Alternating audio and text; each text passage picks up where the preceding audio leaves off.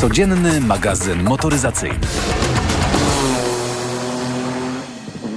Dobry wieczór, to jest codzienny magazyn motoryzacyjny w czwartek. Sławek Poruszewski, Jacek Balkan. Dobry wieczór, Sławku. Dobry wieczór Jacku, dobry wieczór Państwu. Dziś dwa samochody i to na pewno dwa. Żaden z nich nie jest zupełną nowością, ale y, dwa bardzo ciekawe samochody. Jeden z nich to elektryk, jeden z pierwszych, których jeździ, którym jeździliśmy, jeden z pierwszych dostępnych w Polsce model, bo to jest y, Nissan Leaf. On jest produkowany od roku 2010. Sześć lat temu pojawiła się druga generacja. Były po drodze faceliftingi, były zmiany technologiczne, czyli powiększanie pojemności akumulatorów, zwiększanie teoretycznego i zresztą praktycznego zasięgu również bo przypomnę, pierwsze Nissany to miały zasięg taki teoretyczny poniżej 200 i pierwsze Nissany też były już dość sporymi samochodami, chociażby w porównaniu z pierwszymi elektrycznymi trojaczkami, czyli Mitsubishi Miefi 2 yy, francuscy bracia, bo to jest samochód, który już w pierwszej generacji, pięciodrzwiowy hatchback, miał 4,45 długości, druga generacja ma już prawie 4,5 metra długości.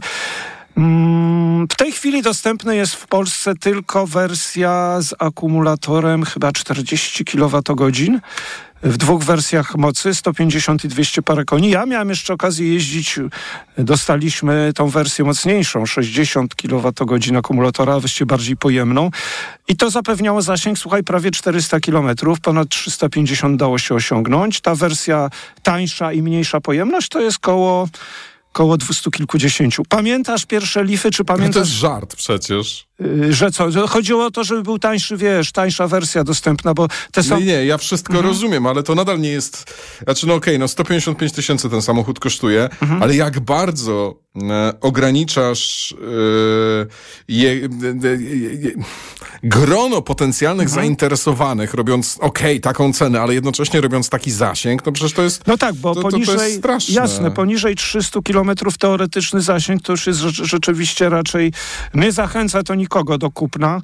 Y, pamiętasz te pierwsze Nissany Leafy nasze? No przecież ich mieliśmy kilka, prawda? Ten, mhm. Wtedy ten samochód był wyjątkowo oryginalny, no bo w tej wielkości elektryków nie było. Potem był jeszcze... Ben... Tak, bo Nissan zrobił to samo, co zrobiła Toyota, robiąc mhm. drugiego Priusa, czyli budując swoje pierwsze auto elektryczne, zadbał o to, żeby samochód ten miał no, wygląd jednak, e, który demonstruje na zewnątrz ten niekonwencjonalny wtedy mhm. napęd. Ale wiesz co, Sławku, powiem ci tak, to było auto dla zajawkowiczów i też tak jak patrzę, e, tak jak patrzę e, na, na, na naszą przeszłość, na naszą historię, to my żeśmy ilekroć się o tym Nissanie Leafie wypowiadali, my żeśmy ten samochód zawsze traktowali jako ciekawostkę. Patrz, akumulator a silnik elektryczny i to jeździ. Hmm. To jest, wiesz, to jest trochę na takiej zasadzie. Może, ale Jakby wiesz... Rozumiem bogatych ludzi, którzy, których stać na to, żeby mieć ze dwie czy ze trzy fury. Rozumiem zajawkę na tę niby ekologię. Wszystko rozumiem, ale tak naprawdę... Słuchaj, wiesz, 150 tysięcy złotych, 270 kilometrów zasięgu, tak, to no ładne auto, fajnie zrobione. To już ale... nawet Peugeot 208 czy e, Opel Corsa, które są droższe, bo przypomnę, kosztują chyba za 180 tysięcy, mają zasięgi zbliżone do 350 kilometrów, 350 teoretyczne, ale też, y, też zdrożały koszmarnie ze 120 paru. Nie wiem, czy pamiętasz ten Nissan Leaf Renault Zoe, to jeszcze parę lat temu można było kupić że i, i owszem, tam te dwa, za 120 parę tysięcy i to były ceny, było tak. które były wysokie, ale w tej chwili wydają się śmiesznie niskie. Y, co w tym samochodzie cenię? Przede wszystkim cenię to duży bagażnik, naprawdę, bo w elektrykach to jest no, nieczęsto spotykane, oprócz ogromnych premium. I cenię to też, że jednak chciało im się coś robić, że wnętrze, na przykład w drugiej generacji, którą jeździłem na premierze 5 czy 6 lat temu, no jest zauważalna poprawa jakości wykończenia. Te Nissany Leafy, nie wiem czy pamiętasz, no to takie były delikatnie mówiąc Koreańczyki sprzed, y, z początku tego tego tysiąclecia. Nie. No, ja tak jakoś pamiętałem je, takie białe wnętrze plastikowe. No nie wiem, może, może coś konfabuluję teraz, może źle pamiętam, ale na pewno ten Nissan, który jest w tej chwili dostępny w Polsce, druga generacja, jest dużo lepiej wykończony, przyjemnie się w nim siedzi, przyjemnie się jeździ. Jednak, słuchaj, to jest samochód, no japońskie samochody w większości mają to do siebie, że mają dobry układ kierowniczy i dobre zawieszenie. Tu naprawdę, i to nie jest wyjątek, no. Honda jest wzorem, bo modele Hondy rzeczywiście, czy to elektryk, czy spalinowy, to naprawdę wrażenia z jazdy przeważnie są bardzo dobre. W tym Nissanie też jest fajnie. Chociaż były różne Nissany, pamiętasz Pulsara, to to nie było takie super auto już go nie ma.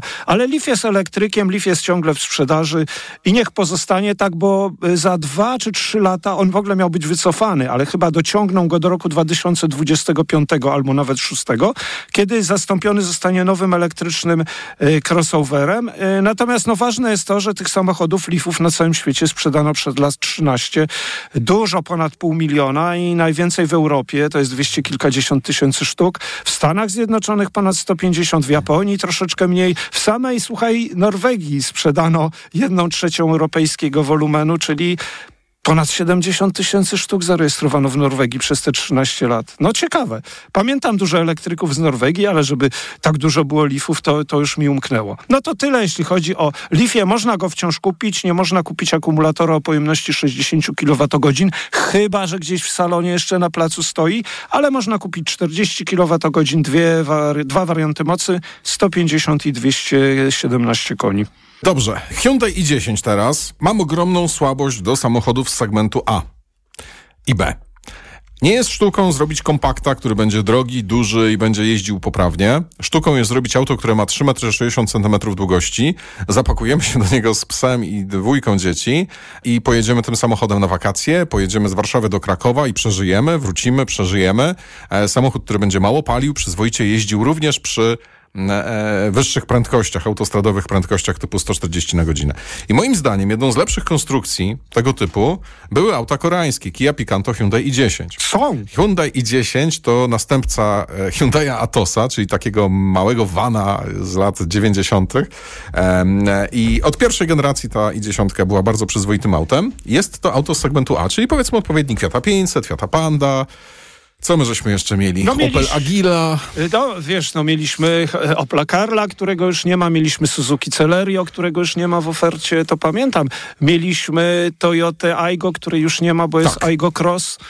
Mieliśmy, y, przecież mamy nadal chyba, czy ja coś zmyślam, Volkswagen Up skończona, skończona jest produkcja, ale Skoda City Go chyba jeszcze jest dostępna. E, Renault Twingo, o, sporo tych samochodów było, sporo i wycofano. większość z nich, oprócz tej Toyoty, Citroena i Peugeota, to są naprawdę bardzo dobre wozy. E, Renault Twingo uwielbiam, e, te Hyundai uważam, że one są bardziej praktyczne, bo są pięciodrzwiowe, tak samo jak Kia Picanto na przykład tych ostatnich generacji. Ja pamiętam, teraz...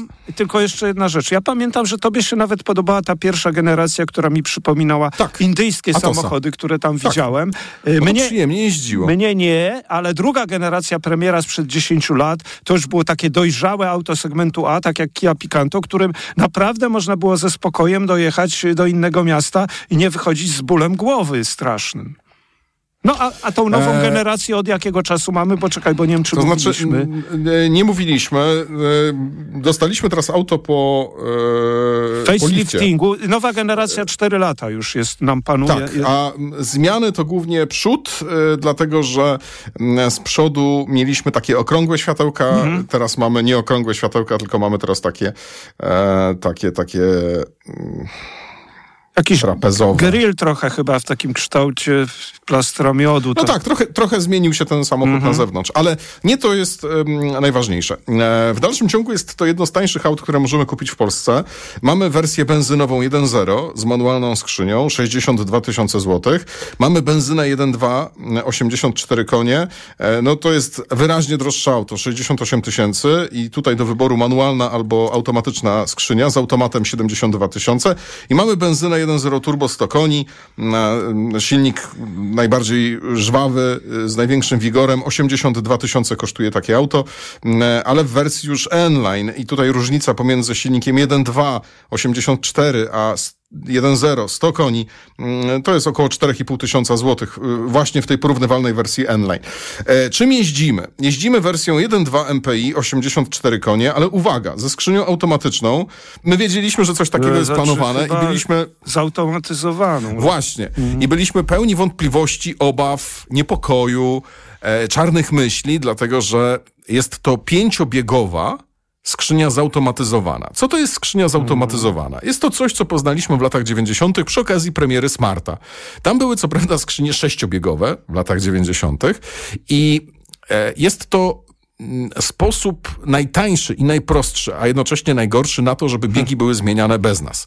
Pamiętam, miałem z lat 70. Citroena DSA w latach 90. E, I tam było półautomatyczne sprzęgło, to znaczy był tam mm, taki mechanizm, który mm, jak tylko dotknęliśmy, powiedzmy, ruszyliśmy dźwignią zmiany biegów, za nas wciskał sprzęgło.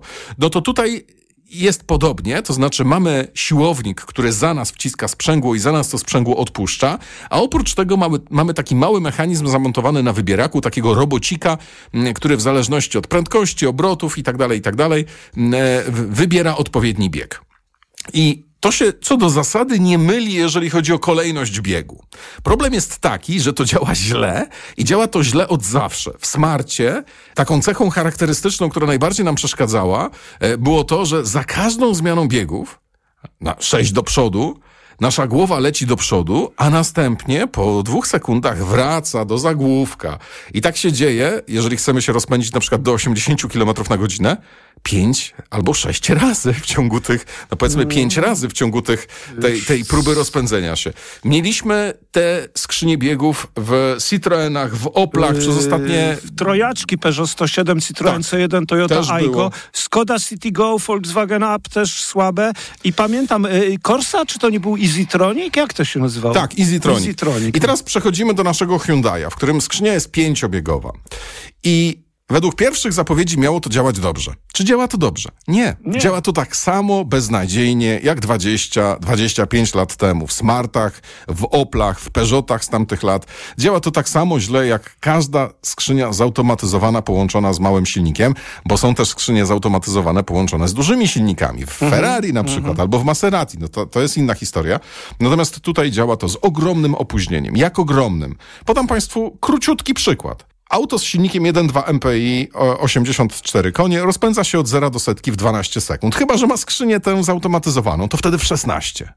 Ten samochód, jeżeli chcesz, żeby zmieniał biegi w sposób płynny, bez takiego szarpnięcia, tak, taki delikatny, może szarpnięcie to nie jest dobre słowo, ale bez tego lagu, bez tego opóźnienia takiego okropnego, to musisz bardzo delikatnie traktować pedał gazu. Jak delikatnie? Tak, tak delikatnie, że jeżdżąc po mieście wyprzedzają cię autobusy. Ja to pogoniłem go na obwodnicę Warszawy, bo myślałem, że będzie lepiej, ale każda zmiana biegu powodowała u mnie jakąś nerwowość. Wiesz co, ja myślę, że te 4000 można świetnie wydać, które na coś innego, do, za, do, nie dopłacać do tej zautomatyzowanej skrzyni, ale żeby nie przyćmić w ogóle cech tego samochodu pozytywnych, czyli zalet, to jest w ogóle bardzo fajne auto segmentu A z trzema dostępnymi silnikami 1.0, 1.2, 1.0 turbo z jakościowo dobrym wnętrzem i jeśli nie masz tej skrzyni zautomatyzowanej, jak to mówią, będzie pan zadowolony. Ja myślę, że warto polecać ten samochód, ale omijać szerokim łukiem tą skrzynię i nie wiem, kto, kto, kto jest takim masochistą, że będzie jeździł z tą skrzynią, bo to jest nieudany wynalazek i, i zapomnijmy o tym po prostu. Kłaniamy się pięknie, do jutra. Codzienny magazyn motoryzacyjny. Mamy dzisiaj dwóch poważnych kandydatów do stanowiska premiera. 248 posłów, posłanek. Pójdźmy wszyscy do pana prezydenta, bo wiem, że ma problemy z liczeniem. Mówię o jakichś dwóch równoważnych kandydatach na, na premiera. Ja uważam, że jest jeden poważny kandydat, to Donald Tusk, który tę misję rozpocząć powinien jak najszybciej. Mam nadzieję, że też prezydent to usłyszy. Koalicja jest dopięta każdym drobnym fragmencie. Dlatego po spokojnej analizie i przeprowadzonych konsultacjach postanowiłem powierzyć misję sformowania rządu premierowi Mateuszowi Morawieckiemu. Radio TOK FM. Pierwsze radio informacyjne. Posłuchaj, aby zrozumieć. Reklama. Toyota zafundowała nam gorącą końcówkę roku. W salonach tej marki właśnie rozpoczęła się wyprzedaż rocznika 2023. Co to oznacza? Te niezawodne i stylowe auta są teraz dostępne w salonach w bardzo atrakcyjnych cenach i do tego od ręki. Małe i miejskie samochody, auta rodzinne, crossovery i suwy, najnowszej generacji hybrydy. Takich okazji dawno nie było. Do salonów ruszą tłumy i dlatego warto pospieszyć się na dni otwarte. Toyota zaprasza na nie od 13 do 18 listopada. Wtedy wybór będzie największy. Tego nie można przegapić. Ła. Nagły ból w jamie ustnej podczas jedzenia? To najczęściej afty lub drobne urazy. Sięgnij po sprawdzone rozwiązanie. Dezaftan. Po pierwsze, Dezaftan wspomaga leczenie dolegliwości, szybko niwelując ból. Po drugie, zabezpiecz aftę przed podrażnieniami. To dzięki podwójnemu działaniu. Dezaftan jest tak skuteczny. Dezaftan. Podwójnie skuteczny na afty. To jest wyrób medyczny. Używaj go zgodnie z instrukcją używania lub etykietą. Afty, aftowe zapalenie jamy ustnej, pleśniawki, urazy spowodowane przez aparaty ortodontyczne i protezy. Gdy za oknem zawierucha, cierpi na tym nos malucha. Słychać już sapanie noska. Mamę więc wypełnia troska. Aromactive przecież mamy. Do piżamki przyklejamy. Aromactive plaster mały. Wnet uwalnia zapach cały. I troskliwie nos otacza. Lekki oddech szybko wkracza. Uratować nos i noc może tylko plastra moc. Aromactive zmniejsza troski. Pielęgnuje małe noski. Dostępny w aptekach. Seniorzy powinni dbać o nawodnienie organizmu również zimą. Najlepszym rozwiązaniem są elektrolity Hydro Optima Senior D3. Suplement diety Hydro Optima Senior D3 zawiera substancje potrzebne do nawodnienia organizmu, ale ma niską zawartość sodu i glukozy, co ma szczególne znaczenie dla osób z nadciśnieniem i podwyższonym poziomem cukru. Dodatkowo Hydro Optima Senior D3 zawiera wysoką dawkę witaminy D3, tak potrzebną w okresie zimowym. Hydro Optima Senior D3 Aflofarm. Polskie tenisistki w finałowej rundzie prestiżowego pucharu Billie Jean King w Sewilli. Widzimy się na korcie od 7 do 12 listopada. Oglądaj w pilocie WP. Przepraszam, coś pani zgubiła. Mój magnes, bardzo dziękuję. Suplement diety Neomak Forte D3. Magnes. Może stąd to przyciąganie. Ja też biorę magnes. Sporo nas łączy. Łączy to Neomak Forte D3, dużą dawkę magnezu i aż 2000 jednostek witaminy D. Kosztuje 2 zł więcej niż Neomak Forte, a daje mi świetną odporność. Przekonała mnie pani. Zmieniam swój magnes na Neomak Forte D3. To może teraz ja przekonam panią, żebyśmy poszli na kawę. Chyba, że jest pani odporna również na mnie. Neomak Forte D3. Więcej niż magnes. Aflofarm. Aha, czyli u pani dyskomfort przy oddawaniu moczu nawraca? Tak, pani doktor. I to dosyć często, chociaż biorę leki. Leczenie to podstawa, ale tu bardzo ważna jest również specjalistyczna higiena intymna. Proszę kupić w aptece Iladian Uro. Iladian Uro? Tak, specjalistyczny żel kosmetyczny. Iladian Uro myje, pielęgnuje i w konsekwencji chroni układ moczowy. Dziękuję. W takim razie zamienię swój żel na Iladian Uro.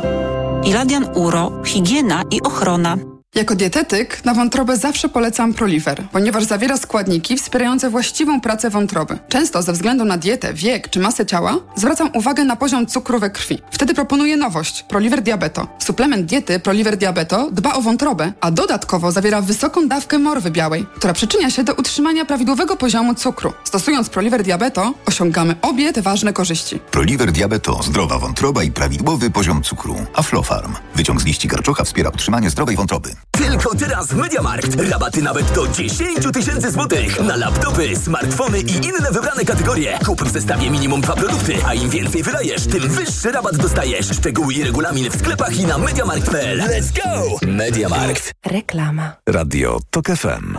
Pierwsze radio informacyjne.